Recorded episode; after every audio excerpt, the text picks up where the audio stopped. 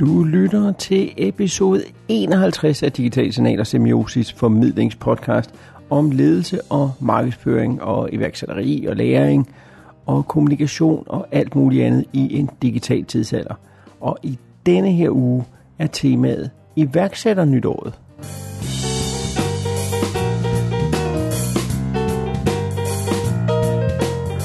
Mit navn er Adam Bindslev, og jeg er som sædvanlig ham, der er den i semiosis formidling, og derfor også ham, der sidder bag mikrofonen i digitale signaler. Det er blevet den øh, 1. August, da jeg optager det her i øh, studiet. Udkommer i morgen den 2. august. Og udenfor skinner solen faktisk ikke fra en skyfri himmel. Det har så ikke forhindret vejret i stadigvæk at være sindssygt varmt. Øhm, men derfor så skal vi jo altså til at komme i gang igen. Det er 1. august, og som jeg kalder det, iværksætter nytår. Men mere om det lige om lidt. Og før vi kommer til øh, de få, men interessante nyheder, så lige en øh, note om, at hvis du lytter til den her podcast og tænker, jeg vil ønske, der var nogle flere podcasts med Adam, så er der altså rig mulighed, og i denne her uge, der er det her faktisk den fjerde podcast, der udkommer med mig. det er lidt mange, men sådan er det. Øh, I mandags udkom Samdata-podcasten, som handlede om øh, nogle spændende historier og emner, som jeg diskuterer sammen med Jeppe Engel og Anders Høgh Nissen. Søg på Samdata-podcasten i din podcast-app, så dukker den op. I tirsdags, der øh, udkom så fotografiske signaler, fordi den var blevet en lille bit smule forsinket på grund af ferien, så søg på fotografiske signaler. Det er Digitale Signalers søsterpodcast, som øh, har meget samme format som denne her, men som altså handler primært om visuelle medier. Og i dag, den 1. august, der udkom tredje episode af Erhvervskast Djursland, min podcast om erhvervslivet på Djursland. Og så altså i dag, digitale signaler. Så rig, rig, rig mulighed for at høre min stemme. Og med det lille bitte reklameindslag, så skal vi til de der nyheder.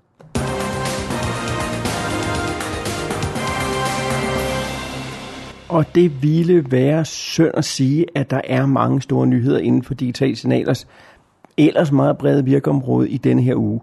Men der er dukket primært én ting op. Nemlig, at der har været kvartalsregnskab for alle de store tech-giganter. Og jeg har nu lært, at deres øh, aktier bliver af sådan nogle aktiefolk kaldt FANG-aktier. Det står for Facebook, Amazon, øh, øh, Apple og... Nej, Alphabet selvfølgelig og, og Google tror jeg nok, det var det, det stod for. Det, det, er sådan nogle, det er sådan nogle begreber, som pludselig skal man kunne dem. Og nu ved jeg, at der er noget, der hedder fangaktier. Mm. Nå, godt. Nok om det. Kort sagt, de er kommet med deres kvartalsregnskaber, og derfor så går folk amok i analyser. Og jeg ejer ikke nogen aktier og interesserer mig ikke normalt for det, men derfor så synes jeg egentlig alligevel, at det er meget sjovt at se på det her. Fordi for det første så Facebook fik decideret tæsk på aktiemarkedet, fordi at de ikke har fuldstændig vanvittig vækst. Øh, der er faktisk stadigvæk en vækst i aktiv, da, øh, aktive aktiv daglige brugere, og der er 2,23 milliarder månedlige aktive brugere. Så man skal altså være mere end almindelig solstiksram, synes jeg, for at kalde det for en krise. Til gengæld så er ingen krise hos Amazon. De tjener så mange penge, at deres aktie den væltede op. 2,5 milliard dollars i overskud i andet kvartal. Og det er altså overskud. Det er mange penge, og med det burde man tro, at der så kunne blive råd til en betalt frokostpause på lageret. Alphabet, som er Googles moderselskab, tjente 3,1 milliarder dollars i andet kvartal. Det interessante ved det er, at det er fratrukket bøden fra EU. Ellers ville de have tjent 8,2 milliarder dollars. Så der er altså hele to måneders overskud, de har fået i bøde. Og et eller andet sted, så tror jeg, at de overlever. Og jeg forstår Jamen, det er jo selvfølgelig et princip og sådan noget, men ellers så vil jeg måske bare betale den bøde og komme videre. Og endelig så er der Apple, og de tjener rigtig mange, mange, mange, mange, mange, mange penge, og er stadig verdens mest værdifulde selskab. Og det er ikke så interessant. Men det interessante hos dem, set fra min synsvinkel, er, at 56% af deres indtjening kommer fra iPhones. iPads 9%, Macs 10%. Så man kan jo egentlig ikke undre sig over, at de ikke har så super travlt med at komme med en ny Mac Pro, og at de lidt har glemt, at de engang havde noget, der hed Mac Mini. Og til sidst, for lige at, at slutte på en, på en downer, så er der jo Twitter, også kendt som det medie, hvor politikere fra kommunalt til globalt plan kan udsende uovervejet pressemeddelelser på 280 tegn. De rapporterer et fald i månedlige aktive brugere og er nu nede på 335 millioner. Og det er selvfølgelig mange, men når man så også tænker på, hvor mange af dem, der er robotter og spamkonti og duplikatkonti og den slags, jeg alene tror har fire, så viser det egentlig, hvor utrolig lille niche-medie det er. Og den eneste grund til, at vi bliver ved med at snakke om det, det er fordi det netop er politikere og journalister, som er på det.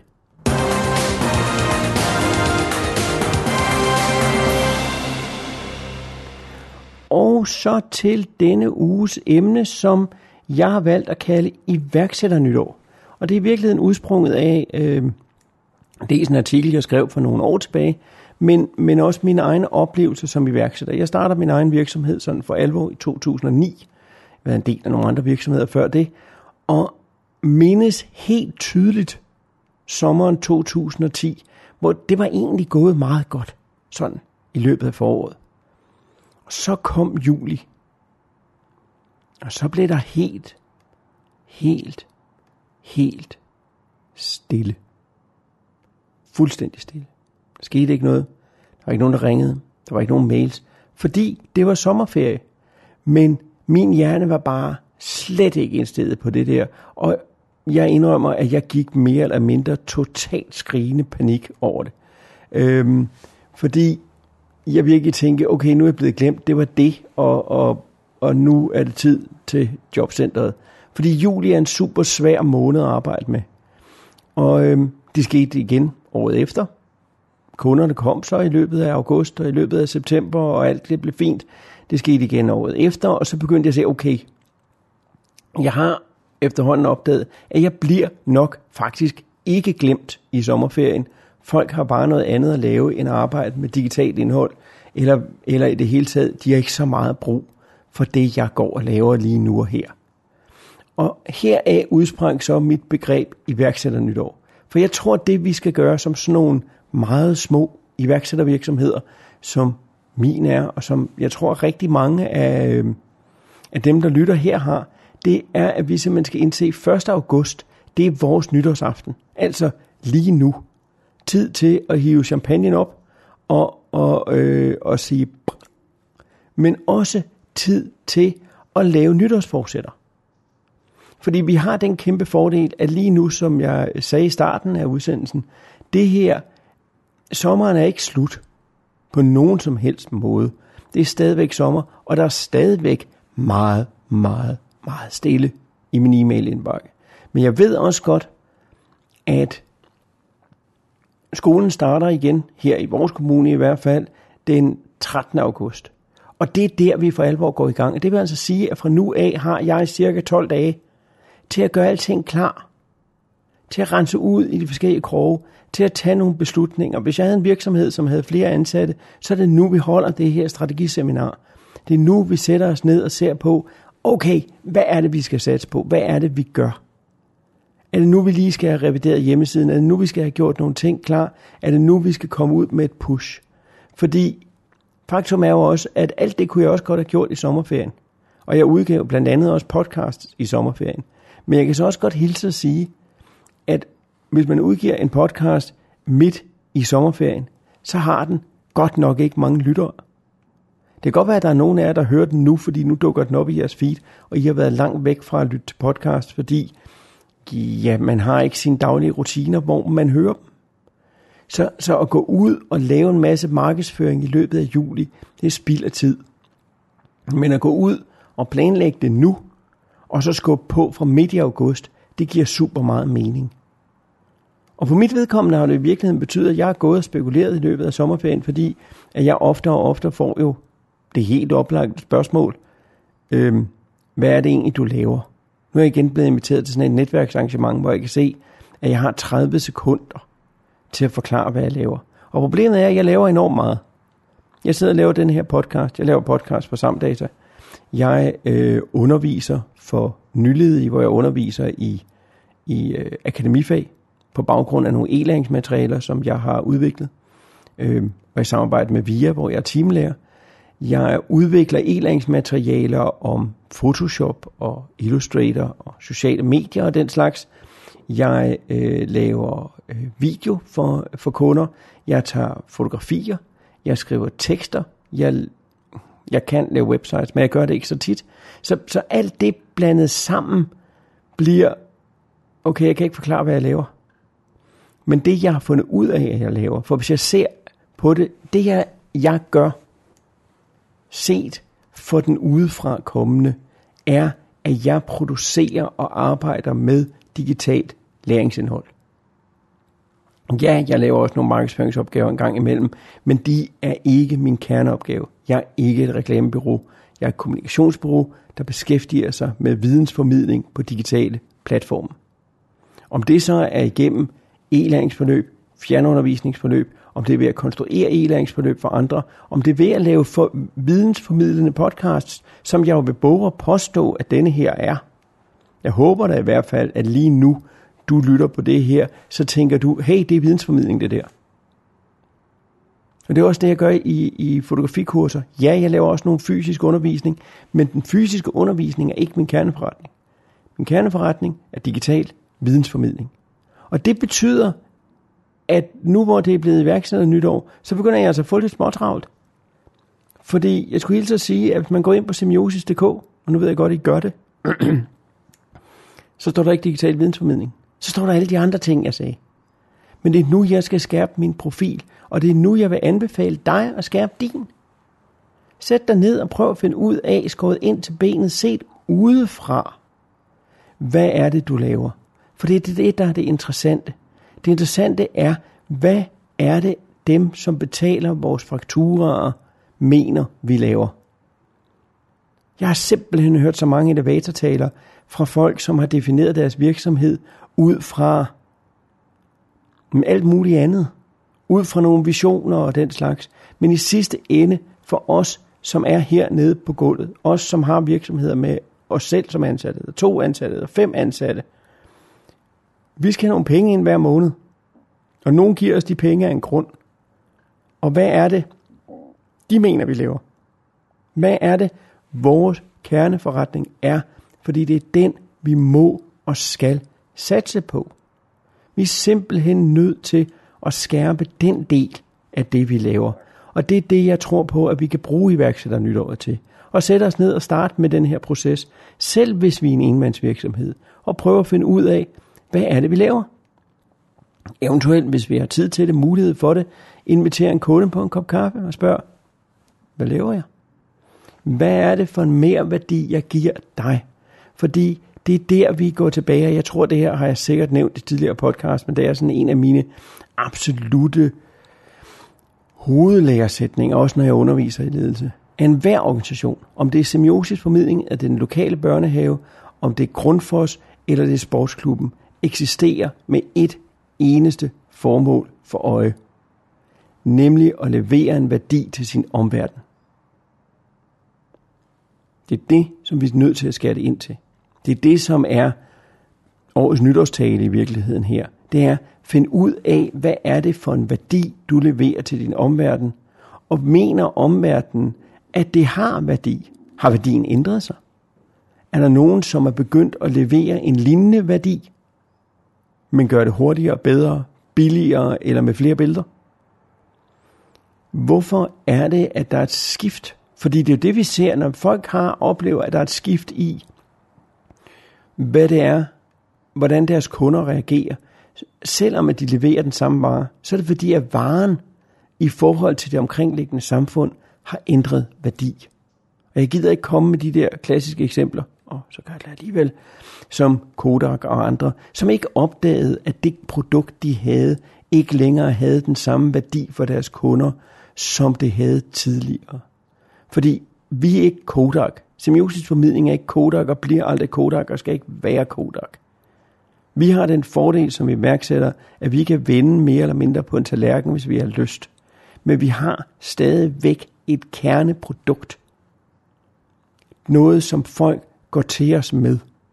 Og for mit vedkommende er der altså, hvis du har noget viden, du gerne vil have formidlet til dine kunder, til dine medarbejdere, til din omverden, så kan semiosis formidling hjælpe dig. Så kan vi konstruere noget.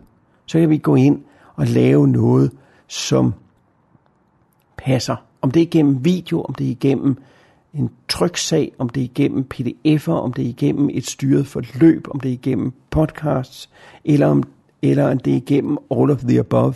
Det er sådan set ligegyldigt, fordi mediet er ikke budskabet. Semiosis formidling arbejder med videns indhold. Og nu har jeg taget dig med på den her brainstorming-proces. Ikke fordi, at det her skulle handle om mig, men fordi at nogle gange er det interessant at have en case. Og den case, jeg kender bedst af alle, det er mig og semiosis formidling. Fordi jeg har arbejdet med det her og gået ned og op med det her i så lang tid, hvor jeg simpelthen ikke har kunne finde ud af, hvad det var, jeg lavede. Selvom jeg havde masser at lave, så manglede jeg den der indsigt i, hvad er det helt præcis, jeg laver. Og det var et iværksætter nytår i år, at jeg opdagede det. Men sæt dig ned og gå i gang med den her proces. Find en tavle, find en whiteboard, find et eller andet, og prøv at skære det ned. Ikke fordi vi skal absolut skal alting ned til en elevatortale, fordi elevatortaler er så larmende kedsomlige. Men fordi vi skal kunne lave elevatortalen over for os selv, så at vi kan se på, jamen hvis det jeg arbejder med er X, og jeg godt kunne tænke mig at lave noget nyt, hvad kunne jeg så lave, som stadigvæk er inden for X? Fordi det er det, som vi kan bruge. Vi kan bruge det her til at udvikle vores forretning, uden at vi pludselig skal lave noget helt andet. At hvis vores forretning er at lave dampvask af biler, så er vores kerneforretning, det er at sørge for, at folk har nogle pænere biler. Og har en større glæde ved deres bil. Hov, betyder det, at vi kunne udvide med at udbedre lakskader? Ja, det vil være fuldstændig inden for vores kerneområde. Betyder det, at vi kunne gøre det på motorcykler? Det vil også være inden for vores kerneområde. Betyder det, at vi skal åbne en lille kaffebar ved siden af? Nej. Det kan godt være, at vi kunne, fordi så har folk et sted at vente, mens de får dampvasket deres bil. Men det er ikke kerneforretningen. Fordi det er ikke det, der er hovedmissionen. Hovedmissionen handler om folk og transportmidler og gøre dem rene og pæne. Og når vi er i mindre virksomheder, hvis vi er større virksomheder, så kan vi altid lave en underafdeling, der laver noget helt andet, og noget helt tredje og noget helt fjerde. De har sådan en tendens til ikke altid at gå så super godt, fordi kerneforretningen nogle gang er, hvad den er. Men er vi en lille virksomhed, hvor at nogle gange så er der kun en, der er den, som i min, så skal vi altså passe en lille bit smule på med at tro, at jeg skal lave alting. Betyder det, at du ikke må kontakte mig, fordi du gerne vil have taget et portrætbillede? Nej, det betyder det ikke. Jeg tager stadigvæk gerne dit portrætbillede, men det betyder, at det ikke er noget, jeg markedsfører. Og det betyder, at det er tit noget, jeg gør i forbindelse med de andre ting, jeg gør. Jeg laver massevis af fotografier til digital vidensformidling, men det inkluderer ikke nødvendigvis, at det er mig, der er den oplagte bud på at tage folks portrætbilleder til Facebook. Og mellem os sagt, så synes jeg også, det er dødssygt. For det er også det, som det her det kan give os. Det er det, som det her kan give dig. Det er, at det kan give en mulighed for at skære det væk, som vi hverken tjener penge på, eller bliver lykkeligere af. Og ting, vi laver i vores forretning, som hverken giver os penge eller glæde, de skal altså principielt skæres væk. Det var årets nytårstale fra iværksætter nytåret. Og øhm, hvis du vil følge mig, så hedder jeg Adam Bindeslev på alle medier – på Instagram, på Twitter, alle mulige steder. Der kan du finde mig som Adam Bindslev. Du kan finde Semiosis Formidling på Facebook. Jeg søger på Semiosis Formidling. Og jeg vil være sindssygt glad for et like af en art. Fordi øhm, det er nogle gange det, man lever af derinde på Facebook. Og, øhm, og så hvis du synes det her det var spændende, og du har i hvert fald hørt det til ende jo, og du kender en iværksætter, som ikke kender digitale signaler, så send den lige videre giv lige hentet og sige, hey, gå lige ind og søg på digitale signaler. Jeg tror, den der, den er noget for dig. Fordi øh, så bliver jeg gladere, fordi det her, det er altså sjovt at lave, når der er lyttere. Hvis du har en idé til et emne, eller en gæst, eller noget andet, som skal komme ind i digitale signaler, så send mig en mail, absemiosis.dk, eller bare kontakt mig på et af de der medier, Og øh, ja, det vil jeg bare blive enormt glad for. Og så have en rigtig god uge. I næste uge, der er der fotografiske signaler, og så digitale signaler tilbage igen omkring den 17. august må det blive. Vi ses.